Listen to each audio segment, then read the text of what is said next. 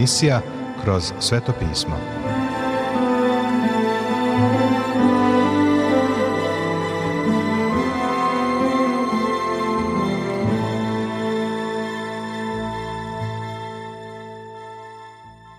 Dobroveče, poštovani slušaoci i dobrodošli u još jednu emisiju programa Kroz sveto pismo, programa koji je za vas napisao Vernon McGee, a pročitao Branko Bjelajac. Želimo vam prijetno i blagoslovljeno slušanje.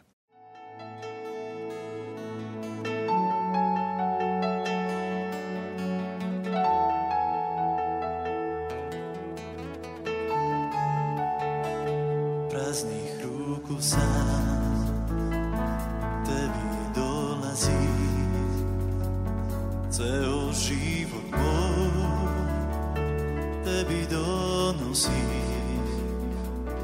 come prima.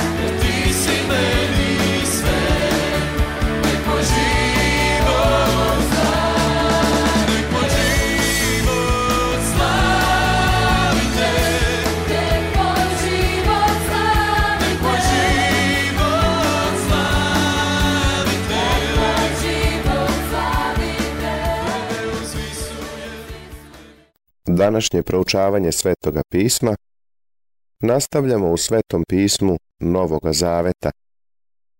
U prvoj poslanici Timoteju, u petom poglavlju, i razmatramo o značaju pomoći udovicama u crkvi.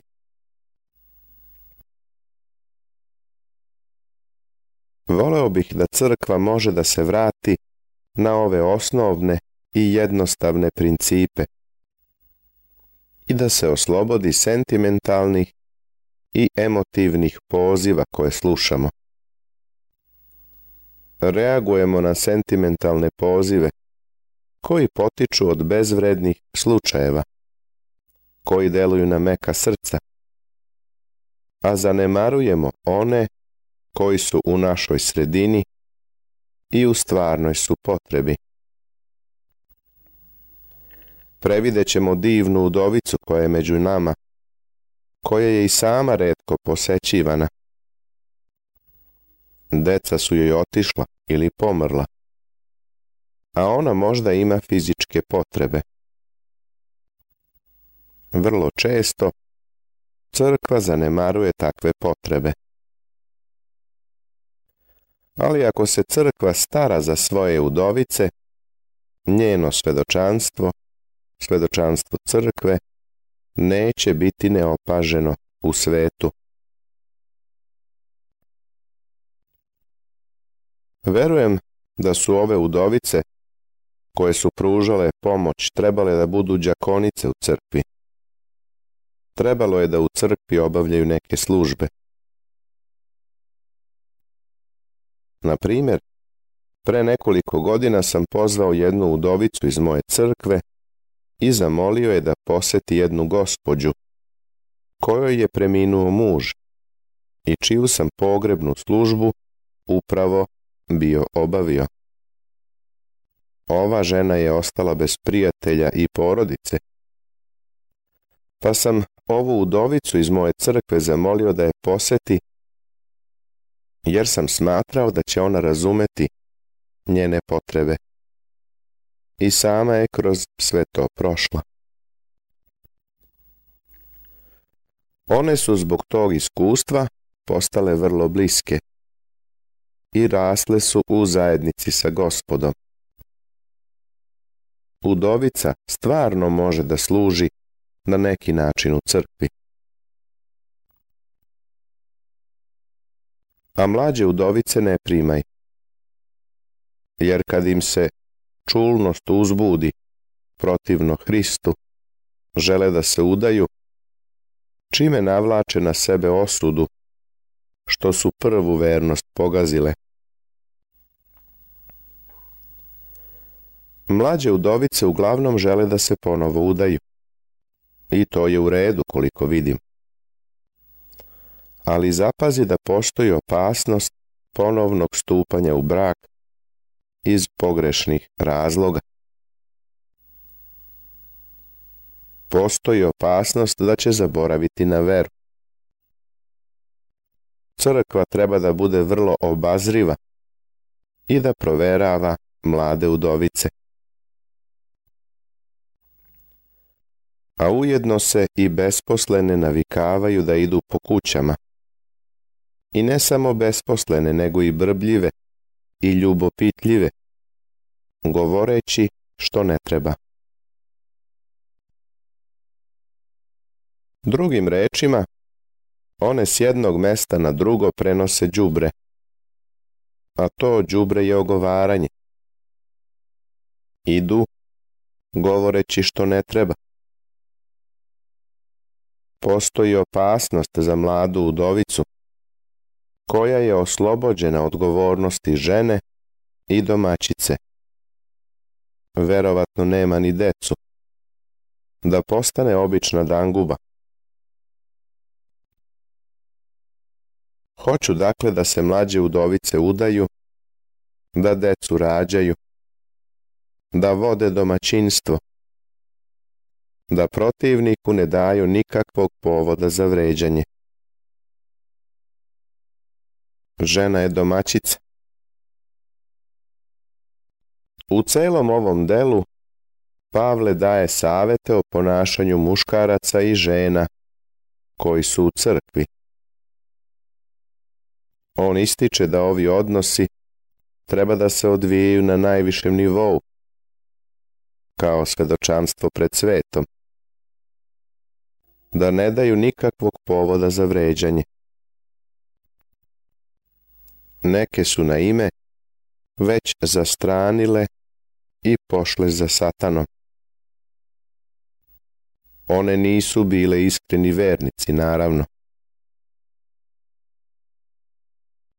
Ako koja verna ima udovice, neka ih potpomaže i neka se crkva ne opterećuje, da može pomoći onima koje su prave udovice. Svaka porodica treba da pomaže svojim udovicama, tako da crkva može da se usmeri na one koji nemaju porodicu, a u pravoj su potrebi. Prezviterima koji su dobre starešine treba ukazivati dvostruku čast, naročito onima koji propovedaju i poučavaju. Prva crkva je plaćala svoje učitelje, a dobar učitelj je, kako mi se čini, bio plaćan malo više. Jer sveto pismo kaže Ne zavezuj usta volu koji vrše i radnik je dostojan svoje plate. Apostol Pavle ovde daje citat iz pete knjige Mojsijeva iz 25. poglavlja 4. stiha i Evanđelja po Luki 10. poglavlja 7. stiha. Poznavao sam mali broj propovednika koji su voleli novac. Većina slugu je u službi iz drugog razloga. Nećeš uvrediti propovednika ako mu daš lep prilog. Budi darežljivi prema učitelju Biblije, koji je u poseti, ako ti njegova služba služi na blagoslov. Ne primaj tužbe protiv prezvitera, sem na izjavu dva ili tri svedoka. Da se ova procedura poštuje, smanjio bi se broj ogovaranja i nesporazuma, kao i sukoba u današnjim crkvama. Apostol Pavle kaže da pastir i starešina crkve treba da odbace svaku tužbu koju mu neko šapuće ili svako ogovaranje o pastiru ili služitelju u crkvi. Ljudi treba da pred svedocima dokažu optužbe koje iznose. Važno je da posjeduješ činjenice pre nego što govoriš. Ako ih imaš, umesto da ih širiš i praviš skandal, treba da se trudiš da popraviš problem tako što ćeš otići kod pravog autoriteta. Svaka optužba mora da se iznese pred više svedoka, ne samo pred jednim. One koji greše izobličavaj pred svima, da i u druge uđe strah. Ako su poznate činjenice o tome da je vođa crkve zgrešio, treba ga ukoriti. Postavlja se pitanje, da li to treba učiniti javno? Kada član crkve zgreši, a to nema veze sa zajednicom, verujem da ne treba iznositi u javnost, niti treba da se javno priznaje. Međutim, kada vođa crkve ili službenik crkve zgreši, a to naškodi crkvi, Mislim da je to vreme da se prozove po imenu. To može biti vreme da se njegovo ime izbaci sa spiska članova. Velika šteta se nanosi crkvi kroz greh njenih vođa. A ovo je način kako apostol Pavle kaže da sa tim treba postupati.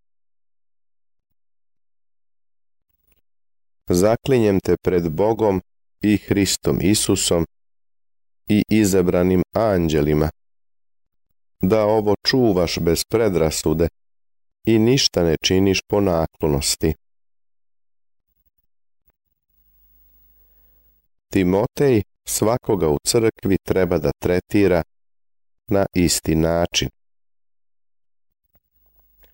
U crkvi je možda imućan čovek, koji je dobar prema pastiru. Možda je pastiru kupio odelo ili mu je pomogao da kupi novi auto.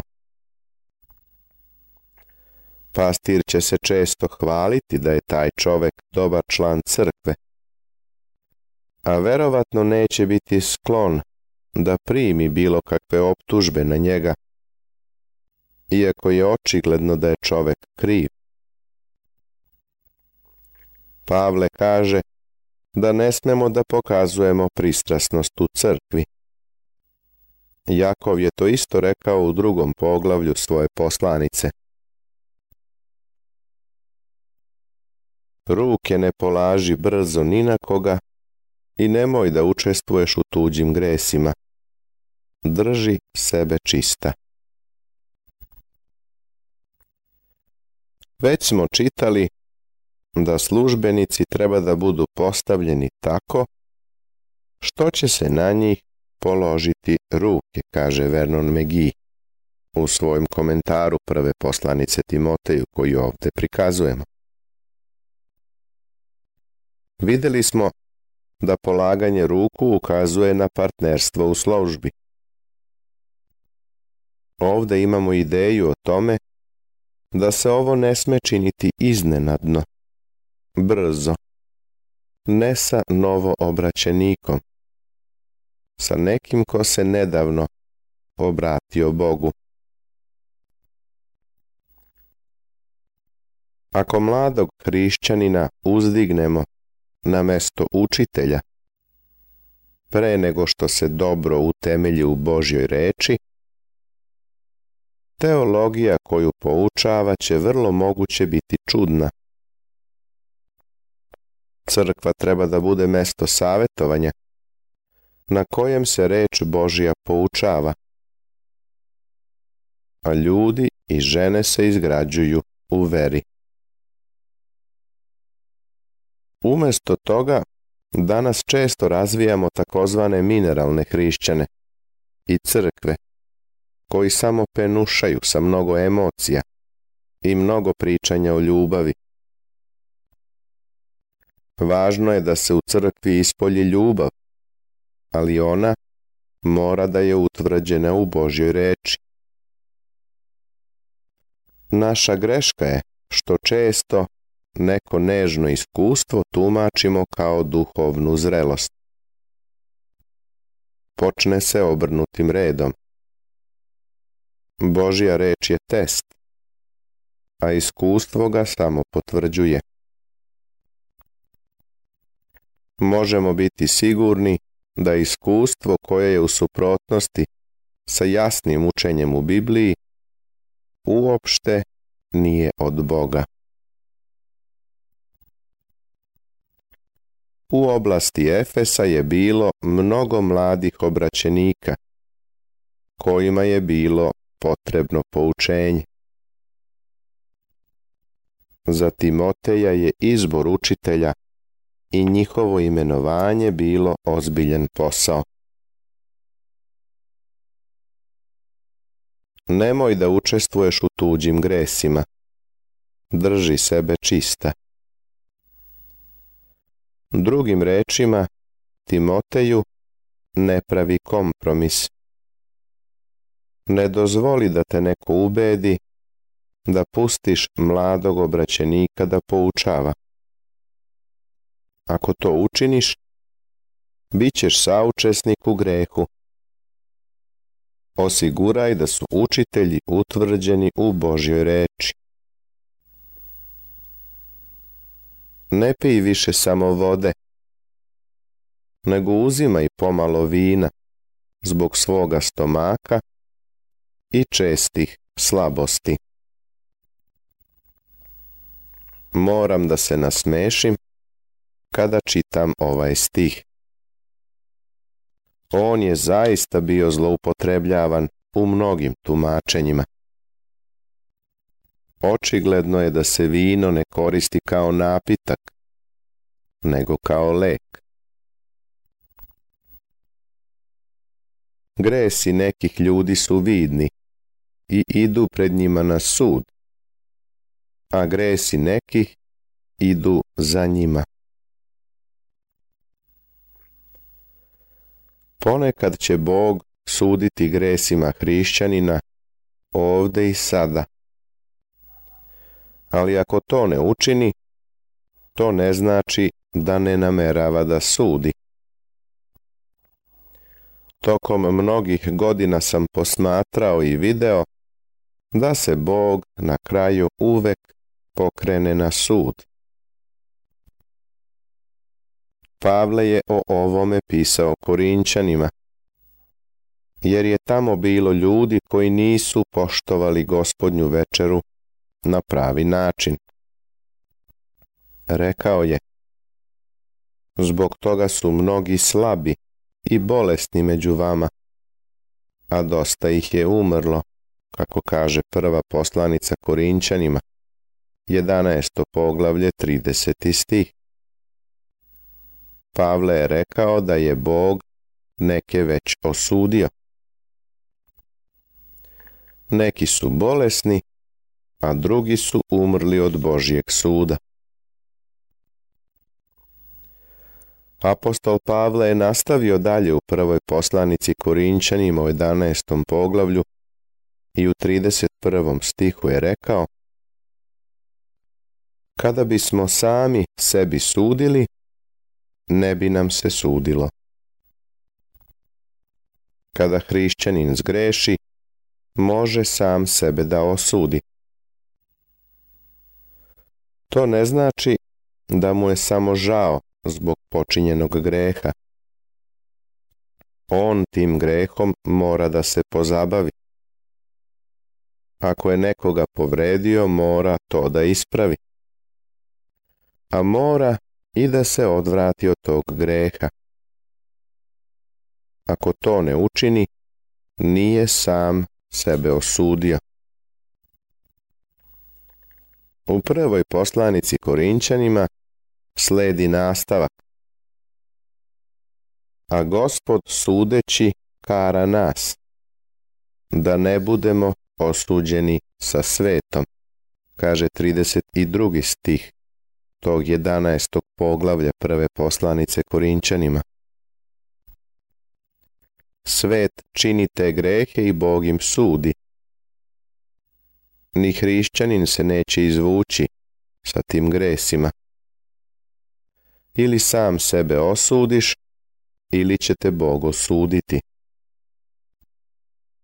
Ako sam sebe osudiš, onda je stvar sređena.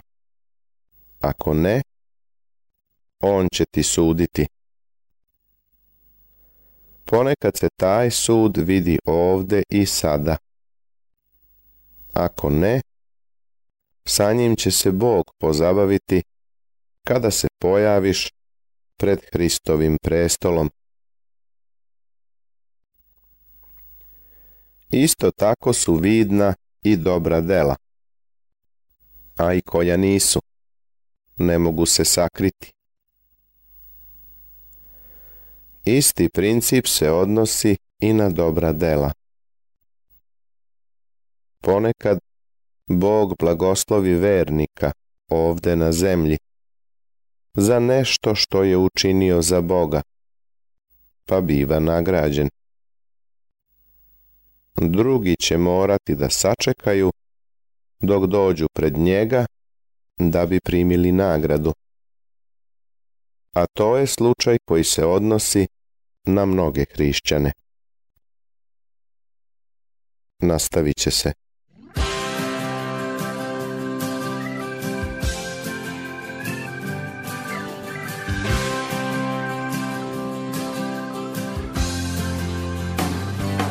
Oče naš, koji jesi na nebesima, nek se sveti ime Tvoje i nek dođe carstvo Tvoje, neka bude volja Tvoja na zemlji kao na nebu. Oče naš, hleb naš nasušni daj nam danas ti i oprosti nam dugove naše kao i mi što praštamo lindíssima.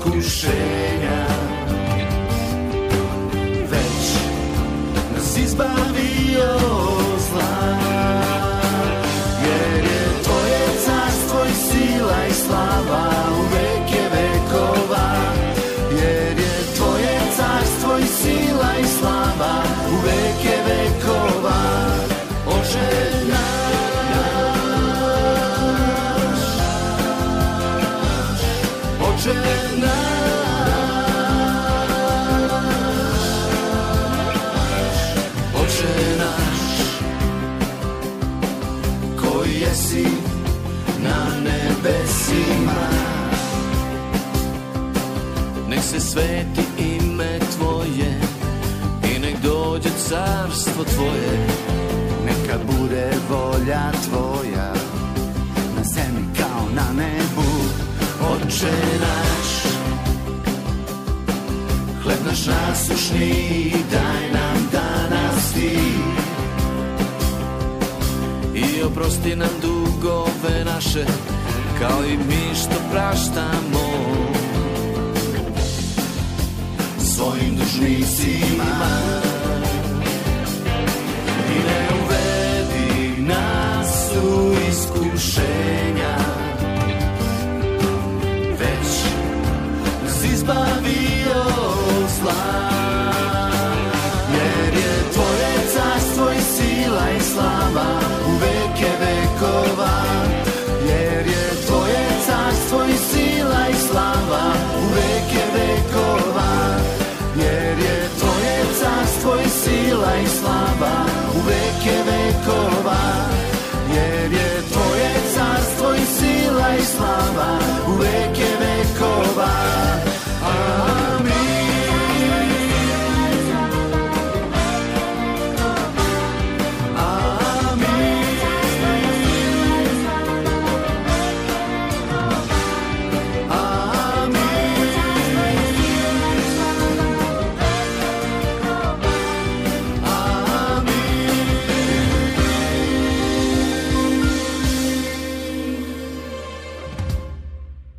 Poštovani slušaoci, završena je još jedna emisija iz serijala Kroz sveto pismo.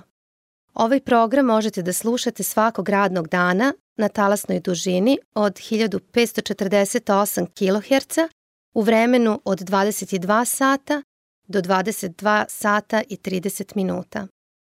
Ukoliko želite da nam se javite, da nas pohvalite ili pokudite, da nam predložite izmene kojima bismo mogli da poboljšamo naš program – ali i da vas nagradimo kakvom dobrom hrišćanskom knjigom, Novim Zavetom ili celom Biblijom. Na raspolaganju su vam telefon, elektronska pošta ili obična pošta. Broj našeg telefona je plus 381 062 396 331.